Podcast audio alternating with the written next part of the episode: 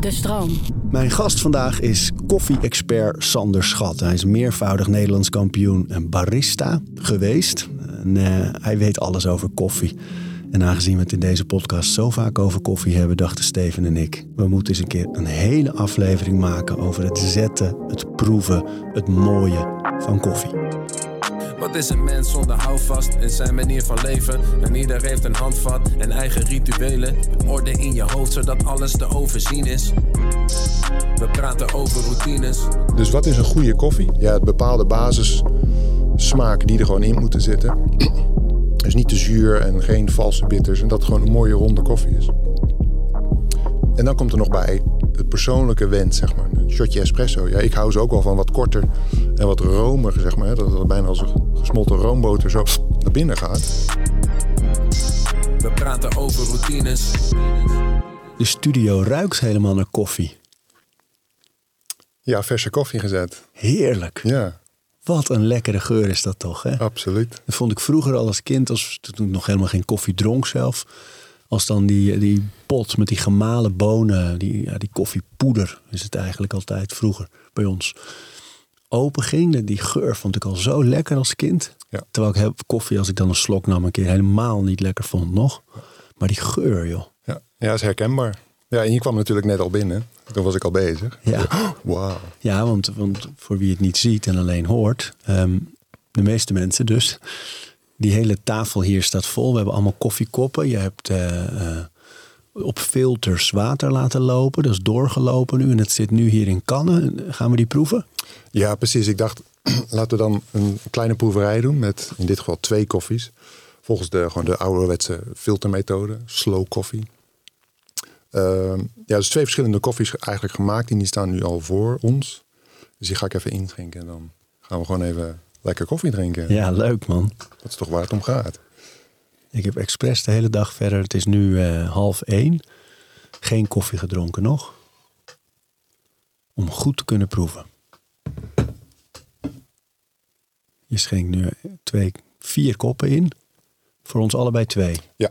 Om het verschil te kunnen proeven. Ja, precies. Het zijn gewoon twee verschillende koffies. Ehm, eentje uit, wat was het ook alweer? Eh, Nicaragua en die ander was uit Oeganda. Ehm, dus ja, het zijn twee verschillende regio's. En gewoon even, vaak proeven we natuurlijk koffie bij het restaurant en dan weer thuis. En er zit altijd zoveel tijd tussen.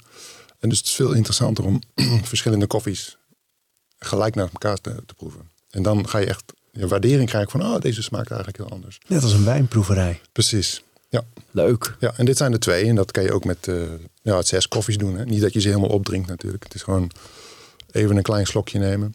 Met wat zuurstof erbij. Slurpen. Al wil je het eens Arie? voordoen, dan doe ik het na. Oké, dan gaan we doen, Nari. Dus het is niet heel veel slurp, maar wel iets meer dan we gewend zijn. Oh, je doet ook nog zo'n achteraan. Ja, wat ze bij de wijn ook doen natuurlijk. Echt voor zuurstof is dat. Ja, zuurstof en dan vergroot je het oppervlakte. En dan proef je eigenlijk net even iets meer. Oh, die was te laat, die tweede. Er zat niks meer in. Ik had al doorgeslikt. Een Maar inderdaad, slurpen. zo joh, maar dat is lekker hé. Oh man, en hij is ook bijna goud van kleur hè? Ja, ja. Ja, dat is gelijk al zo'n zo'n technisch dingetje. Zoals ik hem nu gezet heb met het koffierecept, is eigenlijk, eh, eh, kijk hoor, 30 gram op 500 gram water. 30 gram koffie en dan eh, 500 gram water erop. En dan krijg je eigenlijk over het algemeen wel twee volle koppen eruit voor twee personen. Hmm, misschien net drie. Ehm, en voor één persoon doe ik eigenlijk altijd eh, ja, 20 gram en dan 300 water. Maar dat zijn echt wel van die technische dingetjes waar je dan op let en met een weegschaaltje koffie zetten. Ja, dat doen niet heel veel maar zo mensen, maar toch. een ritueel. Leuk. Ja, nee, precies. Ja. En want jij zegt dat slurpen, bij wijn is het ook om er wat lucht bij te krijgen. Ja. Hè? Dat de smaak wat rijker is in je mond. Ja. Dat is bij koffie dus ook. Precies hetzelfde. Ja. Ja. En dat, ja, met, met, met wijn heb je dat, maar met whiskies of port. Dat is eigenlijk allemaal precies hetzelfde. En, en thee eigenlijk ook, goede thee. Dus niet, eh, niet zozeer de theezakjes, maar de echte blaadjes. eh, kan je eigenlijk hetzelfde mee doen. Ja, man, die theecultuur, hè, daar zit nog zoveel meer in. Hè? Ja. Er zijn een paar plekken wel waar je echt mooie thee kan eh, bestellen. Ja. En waar je ook een ritueel omheen kan bouwen. Dat het echt om smaken gaat. Maar zo'n zakje de thee in flikkeren. En dan, zo snel ook gaat het vaak. Ja, dat, dat is mensen gaan dompelen, dompelen en dat dan het is maar het donker wordt. Het is op daarna. Ja, zonde. Ja, nee, absoluut. En dat, dus, maar het is eigenlijk hetzelfde met, met koffie of met thee of, of met al die andere eh, produ- producten. Het gaat eigenlijk om het product centraal te zetten. Niet zozeer, ehm, niet zozeer qua tijd, zeg maar, maar neem even de aandacht. Hè. En dat hoort eigenlijk bij de, routine of het ritueel. Om even de tijd te nemen om iets te maken. In dit geval, als je het voor jezelf doet of misschien voor je gast. Dat je daar een soort aanwezigheid in hebt om eh, het iets te creëren. En waarom is dat zo belangrijk? Nou, ik denk dat je daarmee kwaliteit. Ja, het is geen garantie natuurlijk. Je kan vol aandacht kan je totaal eh, verkeerde handelingen uitvoeren.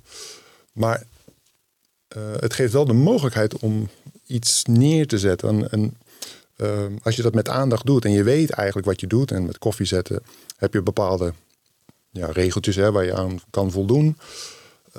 Wijn is het misschien net iets minder, want de, de kurk gaat eraf en je drinkt. Maar dat ritueel geeft juist even de mogelijkheid om iets te maken wat in dat moment ook ontstaat. En het is een natuurproduct. Dus eh, je koffie raakt op, dus je koopt nieuwe koffie. Dat is een andere batch van de, koffiebrander. Die heeft misschien ook net iets anders gebrand. Dus elke keer krijg je een nieuwe zak koffie. En is het ook voor jezelf een ontdekkingstocht van... Oké, hoe gaat deze smaken? En daar zit wel een verwachting in. Maar je kan hem ook misschien verpesten als je even niet oplet. Ehm, ja, dus, dus aandacht geven. Dus een soort oefening. Meditatie is een heel groot woord al daarin. Maar wel even een momentje voor, eh, voor jezelf of eh, indien met iemand anders erbij. Dat je het. Ja, contemplatie ook bijna. hè. Ik hoorde laatst iemand heel mooi het verschil uitleggen. Meditatie is eh, zitten of liggen en echt ademen en, en ja, de gedachten enzovoort laten langskomen. En, en contemplatie kan tijdens een handeling. Ja, Dus eh, als ik bijvoorbeeld basket sta te schieten op het erf eh, met de landen, de, de, de weilanden naast me en, dat, en die bal door dat net. Ja. Dat is contemplatie. Ik kom echt tot rust. Ja. En wandelen heb ik dat ook. En ik ben ondertussen wel heel veel aan het denken en aan het plaatsen en aan het Ja. contempleren. Dat, ja. je eh, laat het door je heen gaan. ja. Ik had ooit eens iemand gehoord die zei: ja, meditatie, of in het Engels eigenlijk zei: meditation is just a single point of focus. Mooi. En- de, en de handeling zelf, of je nou zit of misschien koffie maakt, of eh, wat jij doet, eh, shooting hoops. eh, als je er maar aanwezig bent, hè, als je die focus hebt op die handeling, dan is het even een soort rustmomentje. Ja. En dan kan je inderdaad even alles door je heen laten gaan. En dan, Ja. Ik heb nu die rechter gedronken. Dat Ja. was die uit Nicaragua. Hè? ja, ja, ja, precies. En, En, nu die andere. Oeganda. Moet ik dan even een slok water nemen? Ja, Wil je hebben dat daar ook? voor? Heb ik, heb nog? hier, ik heb hier glas. Ja. Oeganda. Nu, nu ga je hem uit Oeganda halen. En die proeft inderdaad anders. Kijk zo.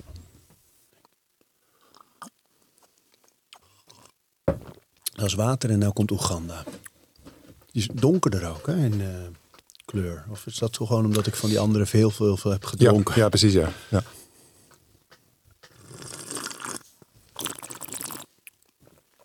Oh, zo. Wow, hé. Wat is dat nou? Gaan we daar even op contempleren. Ja, ja contempleer erop los. Wat een enorm verschil. Ja, ja, ja, Maar absoluut. wat, eh, ik vind het bijna geen koffie. Niet vanwege Oeganda, de boon, Ja. denk ik. Maar dat zal met het zetten te maken hebben, of niet? Ja, en, eh, absoluut. En ja, we komen nu ook wel een beetje in de techniek. Hè. En ik heb dat wel heel bewust even gedaan. Om twee hele verschillende koffies neer te zetten. En wat je net zei, ik, ik vind dit bijna geen koffie. Dat horen we vaker hoor. Ehm, dit is een hele zachte koffie eigenlijk. Ja, En vaak zijn we toch ook wel gewend aan eh, hardere koffie. Hè? Die zijn toch een stuk donkerder ge- gebrand. En dat je een soort, als je hem drinkt, dat je een soort klap krijgt. In je, beetje bitter ook. heel bitter, hè? Ja. echt een na, nasmaak. Oeh. En dit zijn hele schone koffies. Hè? Je drinkt hem, krijgt een mooie smaak en dan is het, Klaar. glijdt hij glijdt die weg. zeg maar. Ja, ja. En die eerste die we dronken, die was wat donkerder eigenlijk. En deze is veel opener. Ja, wat voor woorden kunnen we eraan geven?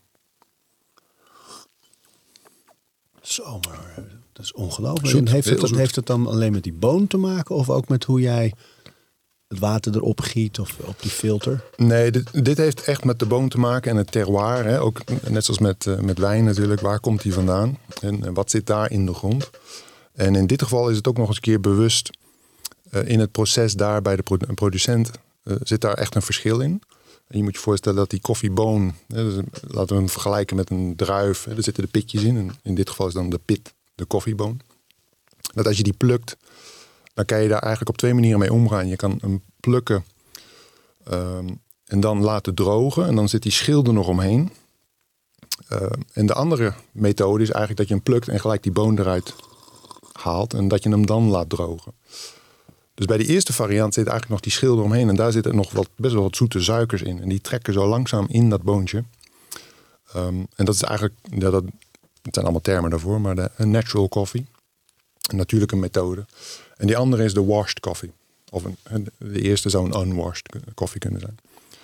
Dus bij de ene krijg je eigenlijk nog die suikers van, van dat druifje wat eromheen zit. Die koffiebest die eromheen zit, die komen in die boon. En die nemen we mee in het proces. En dat is eigenlijk wat je nu bij die tweede kop een beetje proeft. Veel zoeter. Ja, het zou je bijna fruitig kunnen noemen. Ja, is absoluut, absoluut. Ja. En bij de eerste is het meer de natuurlijke koffieboon. Er zit dus niet dat schilletje omheen. Die hebben ze gelijk afgehaald, laten drogen nou, in balen. En dan gaat het naar Nederland of eh, naar de koffiebrander. En die gaat dan zijn ding ermee doen. En dan krijg je eigenlijk een hele andere smaak. Dus in het begin van het proces kan je al een soort invloed uitoefenen op de koffiesmaak die aan het einde eruit komt. Zo joh. Die vind je wel lekker, want die is wel gelijk op. Ja, maar ook omdat ik hem bijzonder vond. Ja, Weet je ja, wel? ja, ik vond die in Nicaragua is echt koffie, gewoon mooie koffie. Lekkere geur, sterke smaak, gewoon maar wel wat ik ken. En die uit Oeganda, eh, Precies. een heel ander drankje bijna. Ja. Ja, dat horen we vaak hoor. En, en wij is dan even de baristi die eh, mooie koffies willen promoten. Dat als je dat bij een groep mensen doet die echt die harde koffies gewend zijn. Ik ga geen merken noemen of whatever. Maar die dat gewend zijn om, om die bittere koffie te hebben. En dan, dan, dan gooi je dit erin. En dan zeg je ja, het is net thee. Dat vind ik niet lekker. Omdat ze een verwachtingspatroon hebben. Ja, dat is het, ja. En dat hoort ook bij een routine. Hè? Van, als je een koffie neemt, dan verwacht je whatever, een smaakprofiel. En iedereen heeft daar zijn eigen wensen in en, en ook ge- eh, gewenning natuurlijk. En een gewenning, soms zeggen mensen ook wel eens, oh dit is lekker. Niet omdat het misschien lekker lekker is, maar omdat ze het gewend zijn. Je noemt het al even wij, de, de baristi. Ehm, want je bent meervoudig Nederlands kampioen eh, barista eh, geweest. Ja, dat, Ja. Ben je, dat ben je, dat blijf je natuurlijk ook gewoon. Ja, ja, ja geweest. Maar ik weet dat hele mooie boek niet meer te krijgen helaas. Dus echt een collectors item. Thuis barista. eh, met een paar andere baristas gemaakt. Maar daarin stond een quote van jou. ehm, dat je dacht dat je... Toen was je al twee keer Nederlands kampioen geweest. Dat je dacht dat je het koffiezetten nooit helemaal zou doorgronden. Nee, dat. Ja. Nee, dat, dat vind ik een interessante uitspraak. Ja, ik heb hem zelf gemaakt, maar. maar dat, dat komt. Het, het, sowieso is het een natuurproduct. En, en even de referentie, als mensen geen koffie kennen, maar het is hetzelfde met wijn. Zoveel landen, zoveel verschillende soorten druiven, dat is ook met koffie. Verschillende koffiebonen. Dus er zitten zoveel smaak in dat, dat je zou kunnen zeggen: ja, er zitten zoveel variaties in. Dat ga ik nooit eh, doorgronden, zeg maar. Ik kan ze nooit allemaal proeven. Dat je vanuit die uitspraak, zeg maar, of vanuit die eh, gedachte, zeg maar, die uitspraak kan doen. En waarom zeg ik dat? Dus omdat ik hem. Ik zeg niet dat ik koffie doorgrond heb, maar het is een soort. Eigenlijk is het eh, natuurkunde of scheikunde. En je hebt een vaste vloeistof. Dan gooi je heet water op en er lost iets op. En dat drinken we op. En dat noemen we dan koffie. Maar dat is eigenlijk ja, scheikunde. Dus iets oplossen.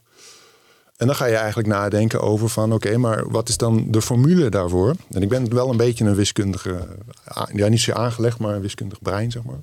Is dat eh, beta, noem je dat? Ja, volgens mij wel. Ja. Ja. Ja, Ehm, alfa is meer de talen en eh, Ja, ja precies. Ja. Ja. Dus voor mij is het meer van, ik- toen ik echt eh, in die hoogtijdagen zat, zag ik het als een formule van oké, we hebben nu net een mooi koffietje geproefd. Wat was nou de formule? Eh, Wat dit is de uitkomst, maar hoe komen we daar? Nou, dat zijn allemaal natuurlijk verschillende variabelen. Hè? Maar je- kan je voorstellen dat als jij ja, laten we een glas met water hebben en dan gooi je wat suiker in.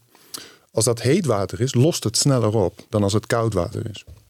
En dat in, in, in heet water zit ook meer energie. Dus, dat, dus je gooit er meer energie op, dus dat proces gaat sneller. Dat is eigenlijk hetzelfde met koffie. Dus als je heet water erop gooit, heb je meer energie om sneller iets op te lossen dan als je koud water erop gooit. En daarom hoor je die cold brews ook wel eens, wat ook wel een beetje hip is. Dat kost vaak 24 uur de tijd om dat langzaam druppeltje voor druppeltje uh, die koffie zeg maar uh, los te weken. Maar dan terugkomen naar van ja, dat is eigenlijk energie. Dus aan het einde hebben we een soort x energie erin gegooid. Um, en dan kan je eigenlijk gaan spelen daarmee van oké, als ik nou heet water heb gehad en dat is uh, zoveel energie. Als ik die kouder maak, dan kan ik hem, moet ik hem iets langer dus in contact met die koffie houden. Om dezelfde soort energie eruit te halen. Maar als je gaat proeven, dan kan je ook wel eens proeven van hm, deze proeft wat te bitter. Dan is die verkeerd gezet. Te heet? Precies. Maar wat je zou dus kunnen zeggen van ja, deze heeft te veel energie gehad. Dus we moeten minder energie erin gooien. Want anders krijg je die bittere smaak. Dan ga je er overheen. En dan, dan extraheer je te veel. Dus dan zou je kunnen zeggen, oké, waar komt dat door? Minder uh, heet water. Hè? Dan, gooi je er minder energie in. Of minder beweging. Je kan ook roeren in je koffie om dat even te mengen. Maar dat is ook energie. Je gooit er dan energie in. Dus al die variabelen waarvan jij denkt van oké, daar heb ik invloed op, dat je die onder controle krijgt. Uh, zodat je weer op hetzelfde punt uitkomt van zoveel energie. En daar, de barista wil natuurlijk consequent zijn. Hè? Dat, hij, dat als ik jou een koffie geef, dat de volgende gast precies dezelfde koffie eh, krijgt. En als jij morgen weer komt, denk je, oh ja, bij hem moet ik zijn, want hij heeft goede of bij hem, bij die koffiezaak, daar moet ik zijn. Want die hebben goede koffie. Dus die moeten weten wat ze aan het doen zijn. En dat is eigenlijk zo'n formule en het is geen geschreven formule, maar het is een soort, oh ja, dat zijn eigenlijk al deze variabelen. En dan kan je zeggen, nou ja, daar heb je een soort doorgronding van hoe je koffie moet zetten. En dat verschilt natuurlijk per koffie. De ene moet veel fijner gemalen worden, de andere moet wat groffer gemalen worden. Uh, iets, iets meer hetere koffie of uh, heter water of misschien wat koeler dat verschilt per koffie, maar het blijft hetzelfde principe. En dat weet je dan natuurlijk niet. Dus als ik eh, een zak bonen koop bij een winkel, want jij hebt deze in Utrecht gehaald. Ja, Voorstraat. Uh, ja, Voorstraat, ja. ja. ja. je mag gewoon noemen hoor. Oké. ja, de Village Coffee. Yes. Hele leuke tent, zei je. Ja, ja absoluut. Ja, komt er al jaren. Ja. Maar dan weet je dat niet. Dan haal je een koffieboon. Waarschijnlijk omdat je denkt, hé, hey, uit dat land heb ik nog nooit geproefd. Laat ja. eens proberen. Ja. En dan gieten de meeste van ons daar gewoon warm water overheen. Of we doen hem in een percolator of wat dan ook. Of, Maar uh, dat is dus eigenlijk gewoon maar op de gok. Ja, de eerste keer is altijd alles op de gok inderdaad. Nou, dat was voor mij eigenlijk net ook zo. Uh, Hier. Ja, ja, nee, ja, on the spot. ja, uh, no pressure. In de omgeving van de studio. nee, maar dat is wel zo. Als in, um, ik weet natuurlijk wel ongeveer um, wat de parameters zijn. Dus je kan altijd wel een goed bakje eruit halen. Maar eigenlijk de eerste inderdaad zou je kunnen zeggen van... we hebben hem net geproefd. En de barista, de barista die gaat dan proeven... Hm, misschien zit er meer smaak in. En dan gaat hij iets aanpassen. Of hij de maalgraad uh, even aanpassen. Iets meer oppervlakte creëren dan. Als je hem wat fijner zet, krijg je meer oppervlakte. krijg je meer oplossend vermogen. Uh, of inderdaad minder water erin. Of uh, dat je met die parameters gaat spelen om ergens uit te komen van... hé, hey, nu is deze koffie goed gezet. Maar daarover, hè? want ik heb zo'n, uh, is het of een officieel perculator in het Nederlands of perculator? Weet jij dat? Ik zou het niet weten. Ik, ja. nee. Ik bedoel in ieder geval die dingetjes die je gewoon op je fornuis kunt ja. zetten. Ja. Uh, de koffie zit erin, het water zit erin, het water gaat koken en druppen op de koffie. Ja. En uiteindelijk komt daar hele sterke, lekkere koffie uit. Het is een het... soort combi, denk ik, tussen espresso en filter. Ja, maar het is een, ik vind het een heel fijn ritueel om een mooie boon ergens te gaan kopen en me daarin te laten adviseren. En dan voor die koffie echt de tijd te nemen, inderdaad. En uh, dat dingetje te vullen, dan ruik je het al. Water erbij, zet je het op het, uh, op, in ons geval op het gas. Uh, dan duurt dat even, dan vult de keuken zich met die geur. Weet je? Dat, dat zijn hele fijne stappen allemaal in zo'n koffieritueel. Ja. En er komt dan een, een stevig bakje uit. Alleen, ik weet eigenlijk niet precies wat ik doe. Hm. Dus ik, ik wacht maar gewoon tot het wat gaat koken. En dan draai ik het wat omlaag. Dat hij iets langer er nog op staat. En ja. uh, dan wordt die steek, ik heb vaak genoeg gehad dat ik hem te lang en te heet, te veel, te bitter uh, eruit ja, ja, kwam. Maar ik weet dus eigenlijk niet precies hoe ik nou de perfecte koffie als die al bestaat, daaruit kan halen. Is daar een, een, een weg voor, een methode? Ja, die, die zetmethode, daar ben ik zeker geen expert in. Maar daar zijn natuurlijk ook inderdaad dat je kijkt naar, als je naar die zetmethode. De enige tip die ik dan weet met die zetmethode is dat je er geen koud water in moet doen, maar kokend water. In het begin al. Want dan staat hij minder lang op het gas. Ah, als je hem op het gas zet, heel. ga je al. Ja, dan ga je al, Harry. ik ijskoud water erin. nee, dat moet je niet doen. Ehm, maar waarom is dat? Ehm, en, Ik doe het ook al jaren, zit ik nu te denken. ja, en Dat moet je niet doen, zeg jij. nou, daar komen we zo op het volgende punt trouwens. Ja, ja. Ehm, nee, de reden is dan, is als je dat, die percolator op het gas zet, is dat heel dat toestel warm wordt. En die hitte gaat ook in de koffie al zitten. Dus die begint eigenlijk al te werken. Als je kokend water er al in doet, of eh, van de kook af, maar dan, dan is je startpunt al ja, hoger. Dus hoeft die veel minder lang op het gas te staan. Waardoor heel die machine of dat apparaat niet zo heet gaat worden en die koffie niet al voor gaat hitten. Zeg maar. Ja, ja, dus dat is een soort controle wat je dan gaat krijgen. Oh man, ik heb gewoon zin om het morgen te gaan. Of zondag. Zondag drink ik koffie. Ja, nou, het interessante is, eh, ja, back in the day zou ik dan maar zeggen. Dan komen mensen wel eens bij me en zeggen van, hé, hey, en misschien met zoiets. Eh hey, ik heb gehoord dat eh, de percolator, als je dit doet, dan dat. Of als je dat doet, dan dit. En er zit- zit daar een kern van waarheid. Ja, misschien wel. De theorie klopt. Hè, wat ik net zei, dat klopt. Maar uiteindelijk is het belangrijkste van als jij het verschil proeft, dan moet je het gaan doen. Want als jij dat nu gaat doen en je, proeft, je denkt eh, zondag, hm, ik proef het allemaal niet. Nee. Of het verschil, waarom zou je het dan doen? Ja, nee, maar ik weet zeker dat ik verschil ga proeven. Want ik vind, hem, ik vind het ritueel heel fijn, maar ik vind de koffie te vaak te, ste- te stevig in, bitterheid. En Absoluut. In, eh, ja, dat is sowieso die methode wel hoor. ja, hè? Omdat het is een hele moeilijke methode. En dan kom je eigenlijk de eigenschappen van koffie.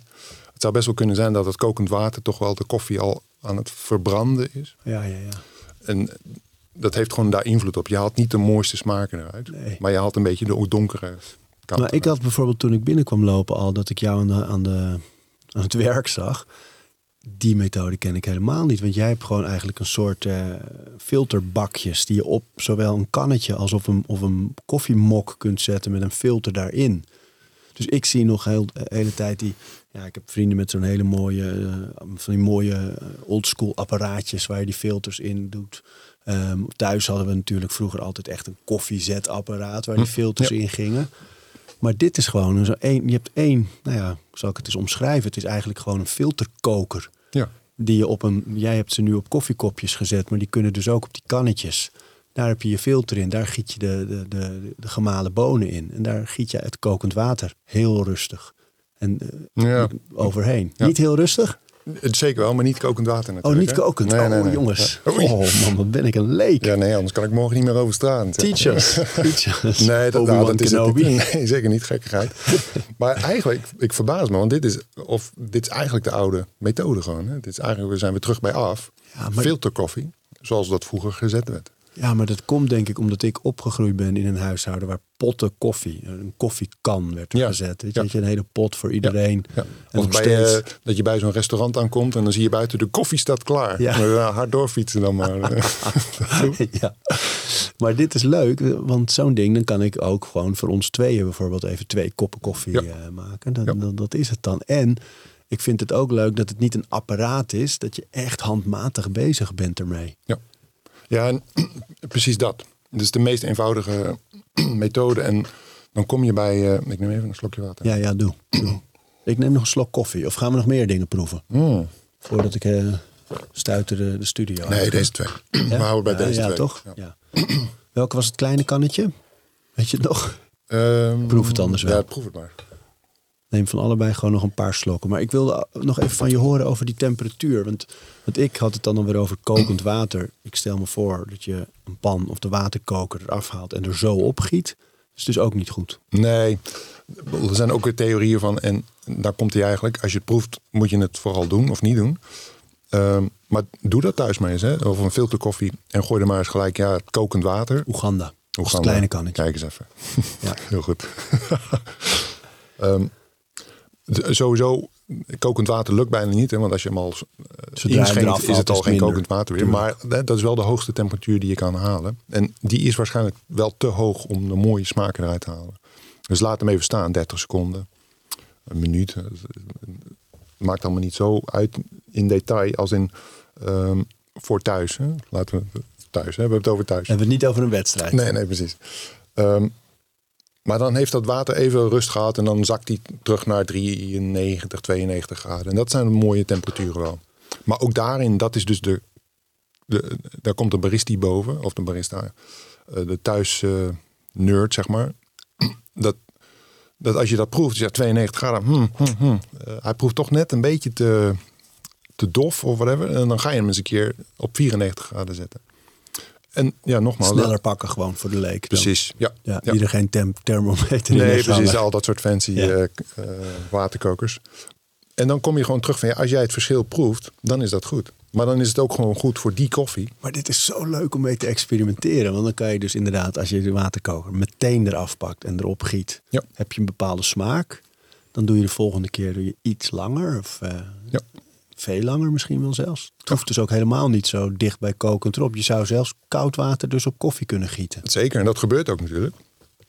En dat kan je ook in het extreme doen. Dan gooi je maar gewoon gelijk koud water op en laat het maar gewoon doorlopen. En dan na twee minuten, drink het dan maar. En proef maar eens.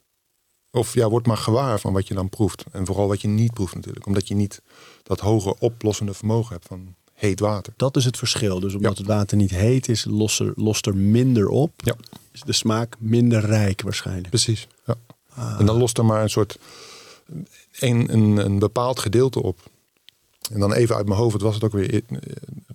Scheikunde of natuurkunde. Eerst lossen de, de zuren op, dan de zoet en dan bitters. Iemand per thuis. of nee, alfa juist. Ja, ja, ja, nee, ik was, nee, ik was zo slecht in scheikunde. Ik heb bijvoorbeeld voor wiskunde nog nooit een voldoende gehaald in de, op de middelbare school. Ah, Dat was mijn, uh, ja. Dus nee, die, die hoek uh, nee, precies.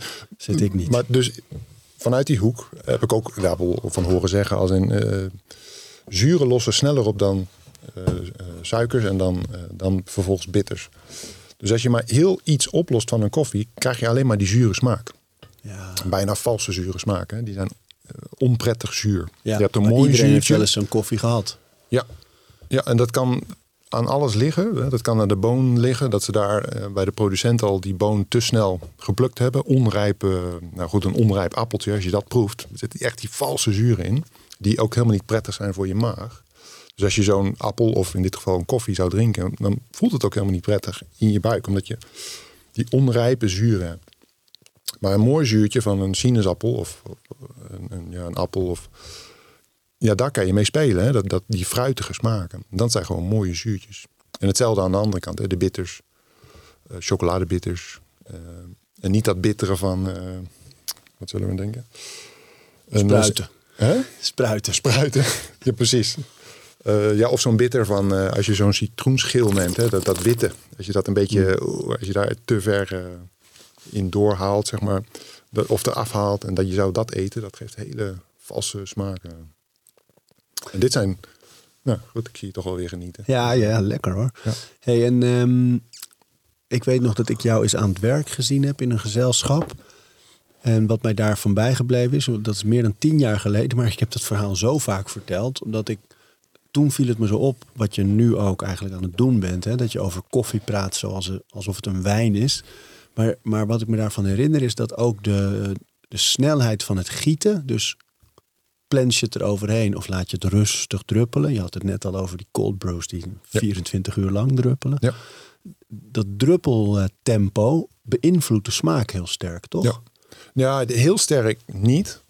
Maar het is, ja, wat ik net zei, het is eigenlijk een vorm van energie die je toevoegt. Hè? Dus heel wild dat water erin gooien, dan, dan krijg je daar turbulentie in. En dan lost het al iets eerder op of dat je het rustig inschenkt. Dus dat is eigenlijk een, een parameter die je als barista bewust van moet zijn. Om uh, consequentie uh, of consequent te zijn eigenlijk. Niet dat je het de ene keer snel doet um, en de andere keer langzaam. En dan je gaat afvragen van waarom smaken ze nou zo verschillend. Maar dat je bewust wordt van die handeling. Dat daar dus ook uh, invloed in zit op, op, de smaak. Dus in een restaurant en je hebt haast en het gaat net iets te rap. En een andere keer is zondagmiddag en er wordt klassieke muziek gedraaid. Ja. Er zitten vier mensen, dan is het een hele andere smaak. Dat zou kunnen. Als je ja. het, het gaat meer om het bewustzijn van... Ja, soms heb je haast. Ik, ik loop ook soms mee met inderdaad bij de Village bij festivals. En dat is een heel ander level van koffie zetten. Of na een, ja, een andere manier van koffie zetten dan bij een wedstrijd. Bij een wedstrijd heb je een jaar voorbereiding om uiteindelijk een mooi bakje koffie te creëren voor vier mensen. En bij een festival is het bijna andersom. Hè? Dat je 20 seconden de tijd hebt om 10.000 man koffie... Ja, een leuke uitdaging ook om Absoluut. goed te hebben. Absoluut. Maar, maar, vertel eens over die wedstrijden. Want daar hangt een soort romantiek omheen inderdaad. Dat je een jaar eigenlijk aan het trainen bent voor dat moment. Ja. Dus als je die, die winnende koffies van jou uh, beschrijft, van wat, is, wat was het proces op zo'n wedstrijd? Nou, het, het is eigenlijk een proces waar dat zou bijna zo klein kunnen beginnen als waar we nu zitten. Dus je hebt in dit geval twee koffies voor je, maar dat kunnen er ook wel ja, tien zijn, vijftien. En dus een, proeftafel ga je uh, verschillende koffies proeven. En die meer bij jou aanslaan. Hè? Wat jij net had bij die tweede koffie. Oh, wauw. Dat is waar je naar zoekt. Want dat kan je verkopen als je bij een, uh, in dit geval een wedstrijd staat. Dan komt het van binnenuit van, oh, dit vind ik een fijne koffie. Dus je begint eigenlijk bij zo'n proeftafel. Dat is vaak bij een brander. Je heeft allerlei nieuwe koffies binnen en dan ga je gewoon proeven. En als je dan denkt van, hé, hey, dit, dit is wel een mooie koffie. Vanuit daar ga je verder. Dan ga je kijken van, oké, waar komt die vandaan? En dan ga je het, verhaal eromheen uh, creëren. Sowieso kan je het verhaal, of ja, het verhaal vertellen. Waar komt die vandaan? Hoe is, de, ehm, hoe is die behandeld, de koffie? En zo ga je eigenlijk die hele presentatie voorbereiden. Ehm, en sowieso die wedstrijd, hè, de vier espresso's, vier cappuccino's en vier specials. Dat je een drankje creëert op basis van een shot espresso. Dus dat kan uh, heel extreem zijn. Of uh, nou zeker de laatste jaren kan het heel, uh, ja, heel verfijnd zijn.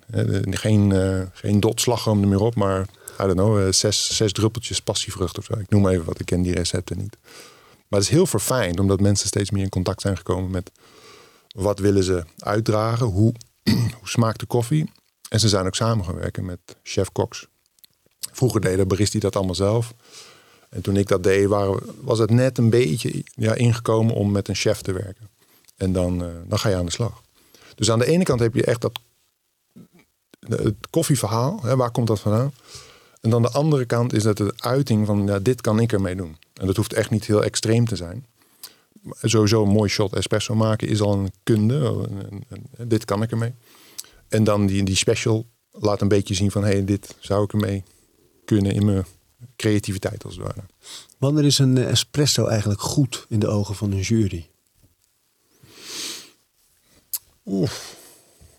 Ja, het is een beetje een uh, lastige vraag. In de zin van, nou, je hebt altijd natuurlijk wat je net uh, bijvoorbeeld proefde. Zou, je kunnen, zou dat goed zijn of slecht? Jij vond hem lekker, ik ook. Um, maar de, je zou ook kunnen zeggen van, nou ja, ik weet het niet, want ik vond hem een beetje te slap. jij zei dat ook wel een beetje van, oh, dit, proeft bijna niet meer naar koffie. Dus wat is een goede koffie? Je hebt natuurlijk die, die ja, bepaalde basissmaken die er gewoon in moeten zitten. Dus niet te zuur en geen valse bitters. En dat het gewoon een mooie ronde koffie is.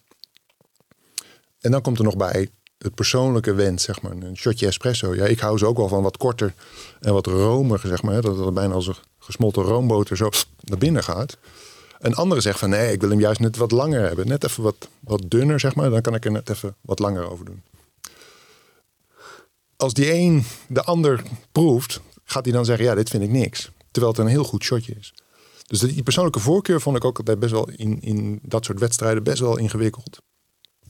Um, maar je kan, je, je kan ervan uitgaan dat de meeste espresso's op de finale gewoon goed worden gezet.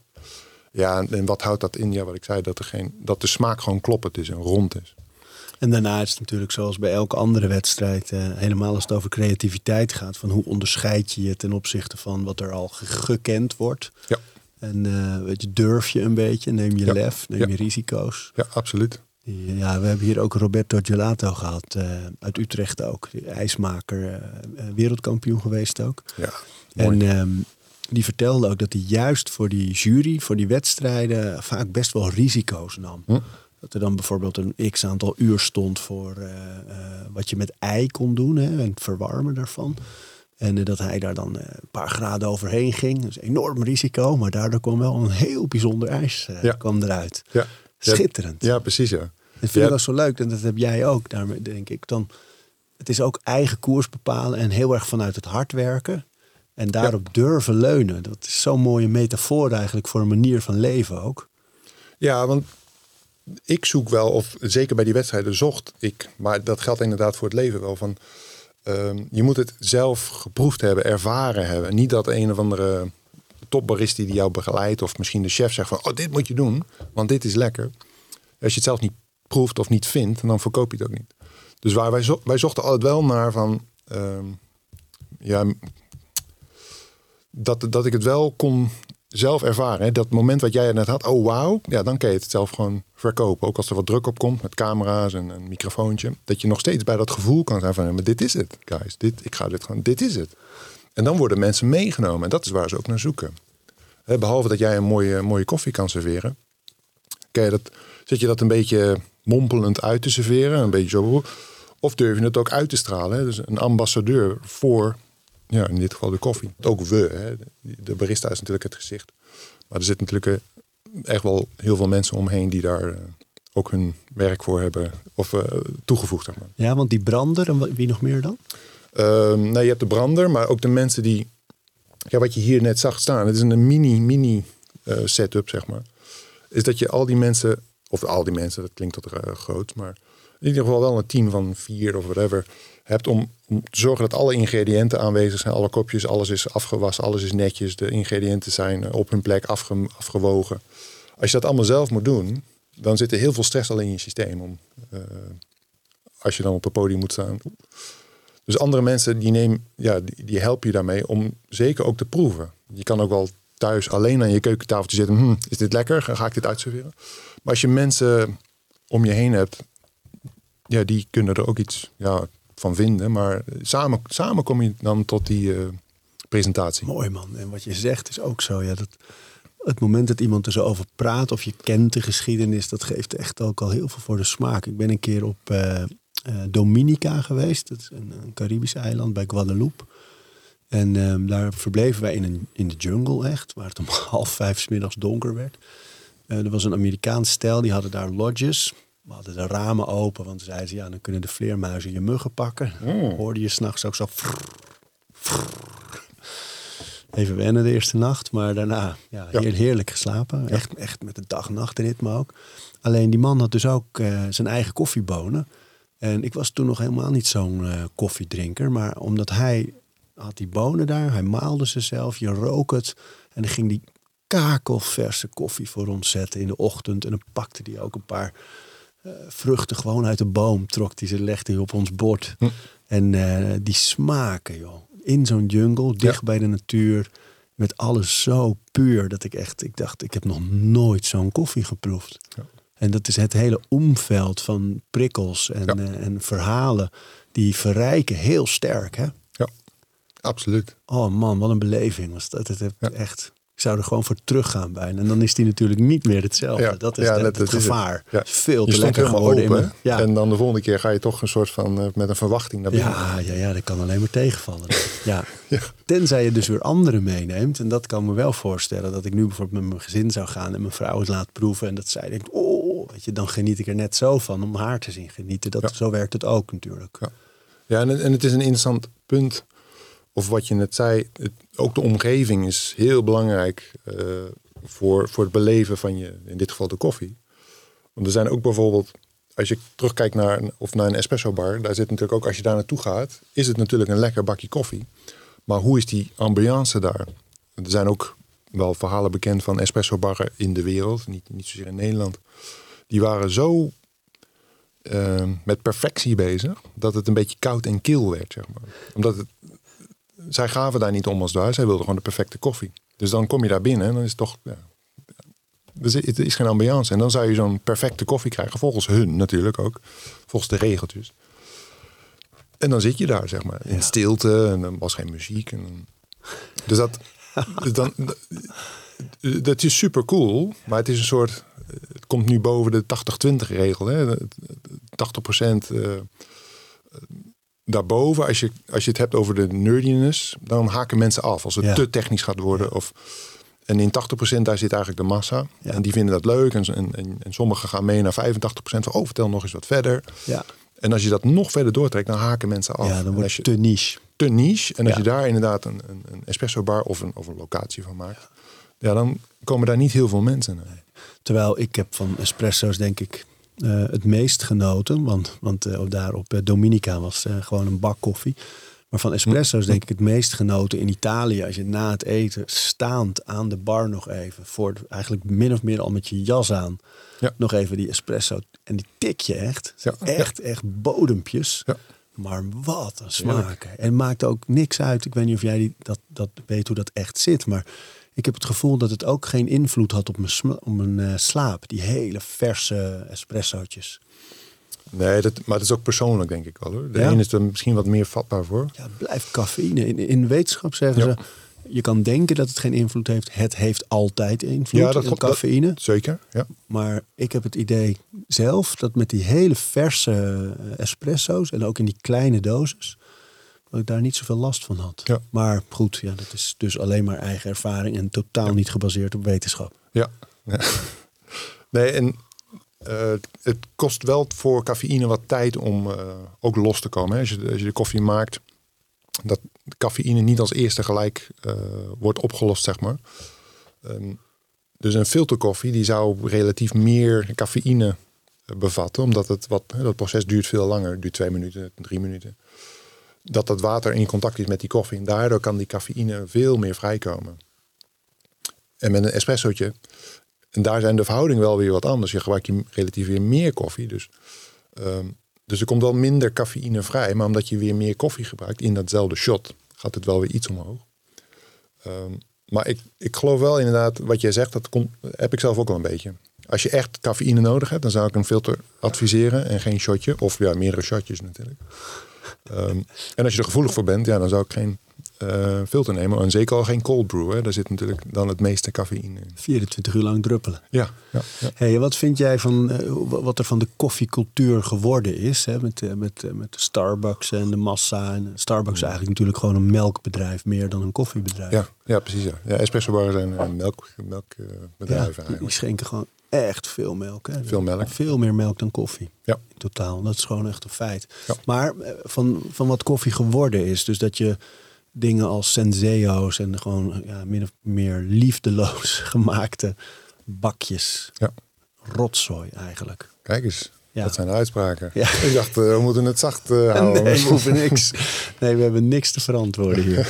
Nee, maar ja, rotzooi is een groot woord. Er zullen mensen zijn die het juist lekker vinden. Maar ik bedoel eigenlijk wat er verworden is van de koffiecultuur... is dat je, je hebt, je hebt de, de, de fijnproevers die het waarderen als iets mooi gezet is. Hè. Je ziet bijvoorbeeld hier in de stad, we zitten in Amsterdam...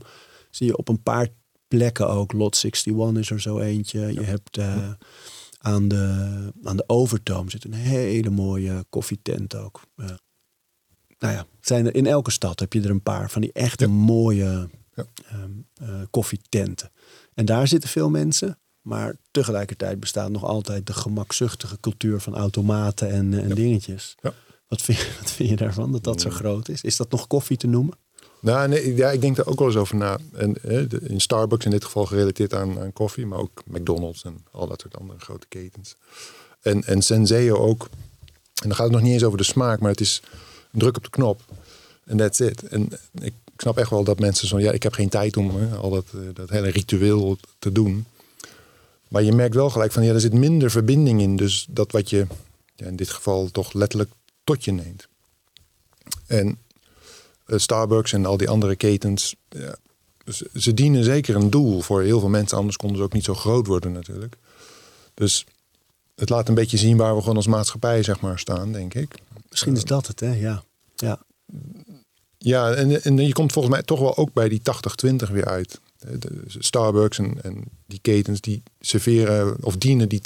En misschien die tentjes wat jij net zei, die bedienen die andere groep. Ik zoek ondertussen even die koffie, want ik wil, wil hem wel heel graag noemen. Want Oh ja, ik ben er echt enthousiast over. Ja, dat is het misschien wel waar wat je zegt. Ja. Dat het meer iets zegt over waar we als samenleving staan. Dus dat de massaproductie, de bewerkte voeding, Ja. ehm, toch vaak kwalitatief niet zo goed, maar wel voor heel veel mensen zit gewoon in hun gemakzuchtige ritme een beetje. hè? Ja, in het systeem inderdaad. En het kost ook wel moeite om daaruit te komen. Maar ja, dat is, dat is- die ketens doen natuurlijk ook wel hun best om daar eh, die mensen, of niet zozeer die mensen, er zit gewoon heel veel suiker in. Ja. Dat, dat- en dat smaakt, daar maak je alles lekker mee. Ehm, ja, en in deze koffie, daar zit natuurlijk geen suikers. Hè? Dus als je teruggaat naar de zuiverheid van, van koffie of wijn of whatever, dan, ga je, dan gooi je geen, geen zoetigheid in. Dat, dan, je komt terug naar de zuivere smaken. Deze is het. Schuurman Oomkens Grassotti. Ja. Ik, nu weet ik weer waarom ik de naam niet wist.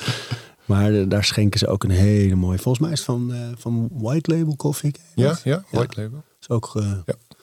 ja. heel fijn. Ja, zeker. En, maar, dus je hebt inderdaad aan de ene kant die Starbucks, nou Senseo, ja, het is volgens mij een beetje passé aan het worden. Ik weet het niet. Senseo is een, ik moest Ja. eraan denken, omdat heel mooi in jouw boek. Ah. Eh, het boek is dus niet meer te, te krijgen, tenzij je het echt ergens via via op de kop kunt eh, tikken. Maar een heel mooi boek over hoe je thuis echt mooi koffie kunt zetten. En daar staat in, lieve oma, bedankt voor de steun en liefde. En dan, Senseo weg. Uitroepteken. Dikke kus, Sander. Oma leeft niet meer. Nee. Maar ik moest zo lachen omdat Senseo weg. Want dat is wel natuurlijk het symbool van... En ik denk dat daar wel heel mooi je, je analyse is... van wat het meer zegt over waar we als samenleving staan. Dat het zo vaak achterloos, achterloos consumeren. Ja. En dat er zoveel winst te behalen is als je stilstaat bij wat je doet. Dat je kiest voor kwaliteit. En, en soms heeft dat helaas ook wel natuurlijk met budget te maken. Hè? Precies. En Ja, en je, maakt het en je wel kan het ook niet forceren. Nee. Je- je- we kunnen met mensen wel eh, zeggen, je moet stoppen met dit. En je moet het, het moet echt van binnen uitkomen. Dat je zo'n belevenis hebt gehad. "Oh, Wauw, dit proeft echt lekker. Of dit voelt zo goed. En dan, de verandering komt altijd van binnenuit.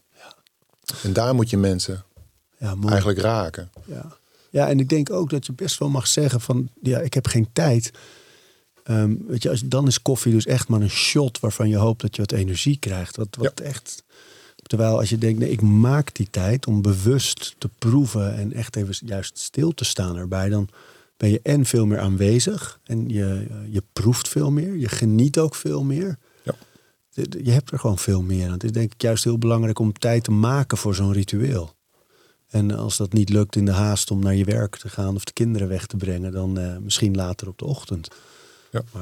Ja, en, en nou, we hoeven niet alles aan het koffieritueel op te hangen. ehm, maar dat, dat je bewust wordt van eh, dat daar heel veel, eh, dat je daar energie van krijgt, hè, van het ritueel zelf. En als het voor de een niet koffie is, dat hij misschien gaat sporten. En maar omdat hij sport, dat hij dan zegt van nou, doe mij maar gewoon een koffieshotje. Dan ben ik, maar dat zijn ritueel iets anders is geworden. Dat je weet van, ah, hier haal ik even mijn, eh, ja, mijn energie vandaan. Letterlijk misschien qua cafeïne, maar ook gewoon van even dat rustpunt. Dat, is, dat kan wel voor iedereen anders zijn. jij vertelde ook eh, voordat we begonnen met de opname dat jij ervan geniet om rond te gaan om je koffie te verzamelen op verschillende plekjes. Koffie Ja. te drinken, koffie Ja. uit te zoeken. Ja. Hoe, bepaal je dat soort routes en ritmes? Nou, je zei inderdaad van, hè, we gaan het over routines hebben. Toen dacht ik, ja, je hebt natuurlijk die micro-routine, noem ik het maar even, het koffie zetten zelf. Maar de koffie in huis halen is eigenlijk ook al een routine. En in dit geval ga ik dan ja, vaak naar, eh, naar Utrecht toe, naar de Voorstraat. Want dat hoort ook bij mijn routine. Dan ga ik daar even naartoe in de auto. En dat is voor mij 40 minuten rijden. Ehm, onderweg ga ik nog wel even langs Amersfoort. Ook daar heb je lokaal. Daar hebben ze het beste brood van Nederland. Dus dan haal ik daar mijn brood. eh, door naar Utrecht. En daar, maar dat hoort ook bij de routine om het zelf op te halen. Eh, er zit natuurlijk ook wel. Ik merkte echt voor mezelf van, hé, ja, ik kan alles online bestellen. En als het dan eh, de volgende dag in de briefbus ligt, mist er toch iets, vond ik altijd. Wat is dat dan? Ik weet het niet. Het is een beetje diezelfde knop. Hè. Je, je drukt op de knop en de volgende dag poef, komt het in dit geval eh, in de brievenbus. Ja, maar waar verrijkt het dat je... Want ik herken het hoor. Ik, ik, ik geniet er ook ontzettend van om een, bijvoorbeeld op vrijdagmiddag een ronde te maken langs een traiteur en langs een mooie wijnzaak. Of Ja. eh, mooie producten te halen en daar dan in het weekend meer van te genieten. En ik stel me ook al heel vaak voor dat straks met mijn zoon of een dochter te doen. Weet je wel, dat je zo samen zulke Ja. tradities en rituelen bouwt van het ophalen van mooie producten. Bij ons, bij Op Koude heb je de, de Lindenhof. Ja. Vinden we Ja, nu al bekend. heel leuk, maar ik kan me ook voorstellen als ze iets ouder zijn, dat je dan echt samen dingen uit gaat kiezen. Nu doen wij dat vooral. Zij kiezen de gesuikerde pinda's. maar, eh, of andere snoepgoed eh, dingetjes. Maar gelukkig ook wel steeds meer eh, mooie aardbeien of mooie appels. Ze, ze beginnen wel echt ook dingen Ja. leuk te vinden om uit te zoeken. Maar ik, ik, ik kan alleen nooit zo goed bepalen of, be- of mijn vinger erachter krijgen wat het dan precies is dat het zo een rijkere ervaring maakt. Dat je het zo gaat verzamelen en ophalen. Misschien ook wel de ontmoeting met de mensen die daar zijn en het advies dat ze kunnen geven. Dat zoals jij nu, weet je, met je kennis over koffie, eh, ja, zorg je ervoor dat ik, ik zin krijg om het te gaan maken dit weekend. Ja. Misschien is dat het ook wel. Ja, en het, ja, dat gaat dan toch een beetje eh, species eh, klinken. Maar het heeft denk ik ook met de energie te maken. Je zet al de energie. Als jij naar die plekken toe gaat, dan, dan geef je al energie aan dat ja, ritueel of de routine. En als je dat met een druk op de knop doet, is dat heel kort. Er zit eigenlijk geen voeding in. En in dit geval voor mij die ronde, in de, of naar Utrecht of Amsterdam zit ook natuurlijk hele goede branders. Kom ik wat minder vaak. Maar dat proces is een soort. Ja, het is inderdaad moeilijk uit te leggen. Maar daar zit wel de soort diepgang, eh, diepere verbinding met eh, dat als je die koffie dan maakt, of het product, welk product dan ook, dat je dat koopt, dat je dat zelf. Je hebt Ja. er zelf iets voor gedaan. Ja, Dat is ook een beetje met fotografie bijvoorbeeld. Ik was ook al een beetje in de fotografie vroeger. En dan zeiden mensen van, je kan toch ook bij Ikea iets kopen? En dat is hetzelfde. Van, ja, eh, zo'n print. eh, sommige printen hang je zeker op voor de kunst. Maar het zelf doen, daar zit natuurlijk ja, eh, het, I don't know, de voldoening. Hè, daar daar zit wel de... voldoening ook, ja. ja. En hoe, hoe meer je ervoor doet, hoe meer de voldoening is. Ja, Zeker ook met, met het, het lichaam, fitness of zo. ja. Dat kost heel veel tijd omdat. En, en dit soort dingen. Ja, ik, ik hou niet zo van de druk op de knop en dat er dan iets voor me klaar staat en dan weer door. Nee, Tenzij, tenzij... heel Ja. goed, Ga je gang, jij eerst. Ja, ja, jij tenzij- het eerst. Eh, dat waarvoor je die snelheid nodig hebt om weer door te gaan, dat daar de voeding voor jou zit. Ja, dat kan. Ja. Dat het kan je tijd wel- oplevert om van iets anders te genieten. Ja. Of, ja. Ja. Want het is heus niet dat ik overal alles, maar altijd inderdaad met heel veel diepgang aan het doen ben. Er zijn ook echt wel dingen die ik heel ja, vluchtig ja, doe. moet, moet. Anders wordt het leven te zwaar, te zwaar als je overal zo bij stil moet. Ik ben mijn veters aan het strikken. En dat doe Ja, ik die heb eerst ik met zelf links en eh. rechts. En veters heb ik uit Colombia over laten Ja, komen. Die zijn geweven eh, door... Ja. Mooi. Nee, nou ja, het, zou, het is een mooi streven. Hey, hoe, hoe kom je eigenlijk met zo'n liefde voor koffie? Hoe, hoe begint zoiets? Hmm. Ja, ik denk dat je daar ingroeit en dat het. ehm, ehm, ja, het had bij mij natuurlijk iets, ja, wat ik al zei, meer een beta, de, de analyse van iets. Dus dan wordt het intrigerend van, hé, hey, waarom smaakt deze niet goed en deze wel? Een stapje daarvoor was wel dat ik echt in de IT zat. In Duitsland werkte ik toen. En volgens mij stond er ook een Senseo-apparaat naast me. Die heb ik niet zo vaak aangeraakt toen. Maar daar was ik zo vanuit mijn ja, diepere laag was ik daar klaar mee, zeg maar, met dat werk. Eh, dat ik s'nachts een soort epiphany kreeg van, hé, ehm, lang geleden was ik naar Nieuw-Zeeland geweest. Toen kwam er zo'n droom, "Oh, ik ga naar Nieuw-Zeeland, ik ga daar koffie zetten. Waarom? Omdat ik daar toen de tijd op de Sunday Market in Nelson was dat, zag ik iemand die, die had zo'n koffiebar. En dat deed mij helemaal niks, dat beeld. Ik liep gewoon voorbij, nice.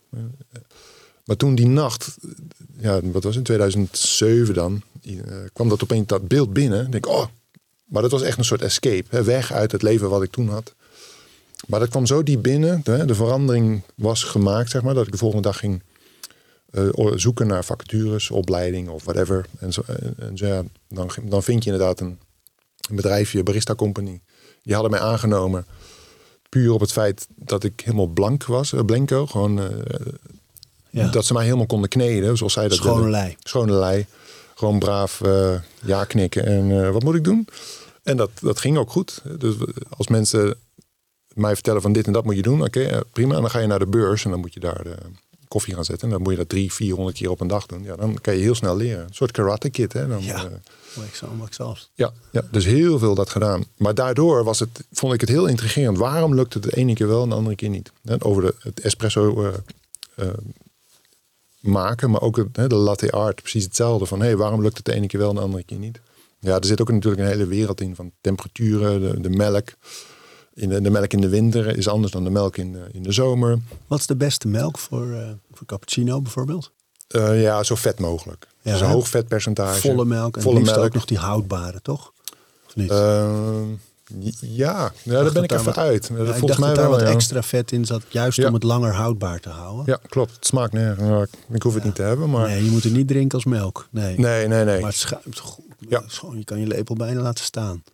Ja. En uh, die alternatieven voor melk zijn juist weer niet goed. Er zit ontzettend veel zonnebloemolie in. Hè? Die, uh, alle, alle barista-versies van havermelk. En, uh, ja. ja, ook dat is weer een wereld hè, van... Ik snap het dat die haver en wat hebben we nog meer? Uh, soja, soja, mandel. Amandel inderdaad. Dat daar ook natuurlijk weer producenten in zijn van die gaan het heel goed doen of anderen niet zo goed. Ja. Um, Missen we nog iets?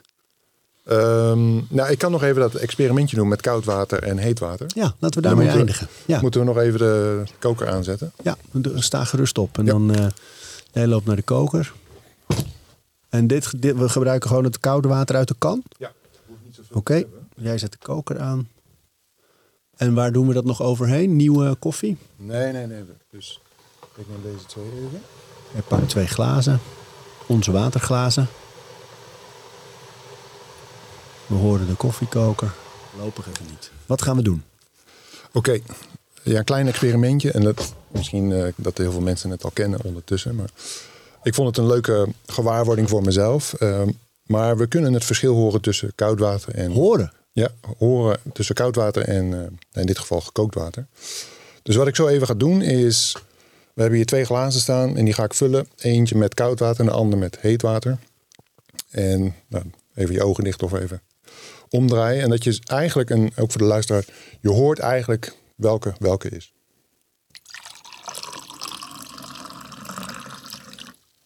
Oké, dat is nummer 1 en dan nummer 2.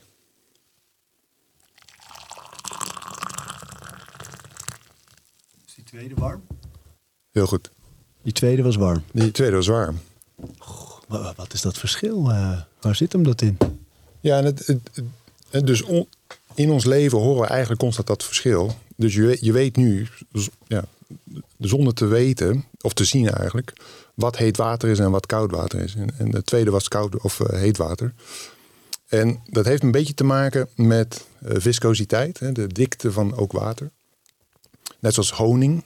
Als honing wat heter wordt, dan is het wat vloeibaarder. vloeibaarder. En het is eigenlijk hier ook uh, het geval.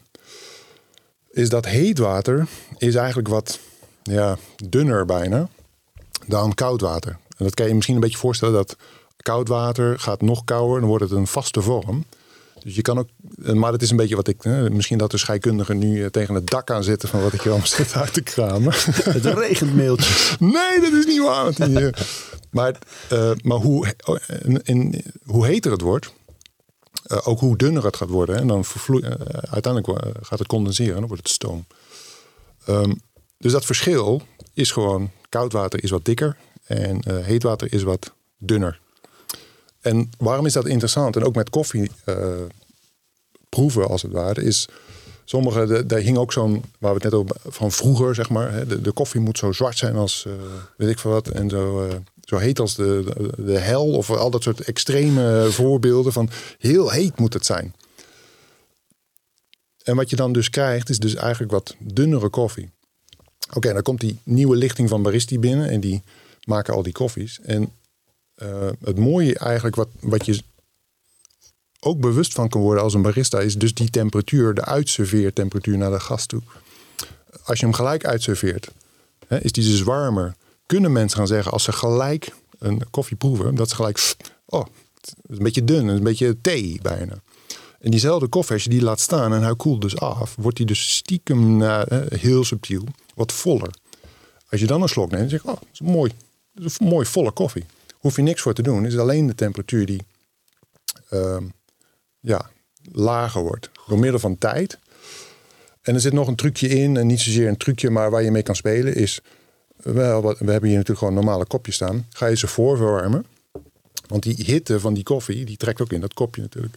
Als die kopjes voorverwarmd zijn, duurt dat langer dat hij die hitte kwijt kan. Um, maar goed, en dan kunnen mensen er wat langer mee doen. als je echt voor een tasting gaat, dan wil je eigenlijk ja, bijna een soort koude, iets sneller naar, dat, naar die temperatuur door, gaan waar de koffie wat voller is geworden qua mondtemperatuur, 50 graden. En dan serveer je eigenlijk in koudere kopjes, zodat mensen sneller naar dat punt toe kunnen. Ook interessant dat als je visite hebt en je wilt zo wat sneller het huis uit, zou ik zo wat in koudere kopjes je koffie uitserveren, zodat je sneller ja, daardoor heen komt. En als je het leuk vindt, dan ga je natuurlijk ook bij dat ritueel, als jij je percolator hebt, de kopjes eigenlijk voorverwarmen. Uh, met, met ook gewoon de kokend water. En terwijl dan je percolator of de filter loopt, warm die kopjes zich gewoon op. Kan je gewoon wat langer met dat moment zijn als het ware. Leuk man. Ja, dus mondgevoel is eigenlijk ook uh, een, een element van koffiedrinken. Dunner of wat ja, voller. En zeker met espresso's. Hè, dan, dan is het, waar we het net over hadden, misschien geld wat minder. Maar de kwaliteit van de boon, sommige zijn wat vetter, sommige zijn wat, uh, wat dunner als het ware. Dus dat je een mooi shotje proeft, dat het dan echt als roommotor, als gesmolten chocolade hop naar binnen gaat. En terwijl andere misschien net wat scherper zijn, wat, ja, wat, wat fletser misschien. Dus, en dat kan aan de koffie te zijn of aan het, uh, hoe het gezet is. Maar een leuk element, ik vond het leuk toen ik het voor het eerst hoorde van hé, hey, je, je, weet het goed. Ja. ja. zonder dat je het wist eigenlijk dat je dat weet. Ja. Het verschil tussen koud en heet water. Fantastisch. Ja. Ik heb ervan genoten, man. Leuk. Heel leuk dat je er was. Ja, ja. dankjewel voor de uitnodiging. Ja, nou, en mochten mensen het, het willen opzoeken, het, het, zal moeilijk zijn om het te vinden, maar dat boek heet Thuis Barista. Het is echt wel meer dan tien jaar, denk ik. Oeh, ja. Zal ik eens kijken wat erin staat? Ik weet het ook eigenlijk niet meer. Ja, volgens mij hebben ze acht of negen drukken. Het is uitgegeven bij Fontaine. Uitgevers. Maar er, er komt geen nieuwe druk drukken? Nee, er komt geen nieuwe druk. maar het kan zijn dat je zoiets toch nog ergens op de kop weet te tikken. Het heet in ieder geval Thuisbarista kwaliteitskoffie uit eigen keuken. Ja. Sander Schat. Ja. Ronald Buitenhuis. Ronald. Gerbe Hettinga. Ja, de journalist en de fotograaf. Ontdek zelf de geheimen van de perfecte espresso, cappuccino en cafetière koffie. Mm. Leuk man. Dankjewel Sander. Dankjewel Arie. Tot over tien jaar. ja. Echt hè. We praten over routines. Dankjewel voor het luisteren. En voordat je weer doorgaat naar andere dingen, wil ik je nog even wijzen op Over Inspiratie. Dat is het mailtje dat ik elke donderdag rondstuur met drie tips. Dingen waar ik zelf veel aan gehad heb. Het kunnen producten zijn, artikelen die ik gevonden heb online, onderzoeken uh, Instagram-accounts, podcasts, boeken, van alles eigenlijk. En ik denk dat je daar zelf ook veel aan kunt hebben. Dus vind je het leuk om dat mailtje elke week te ontvangen? Dan kun je je opgeven op ariboomsma.nl onderaan de pagina. Dan krijg je voortaan elke donderdag in je mailbox over inspiratie.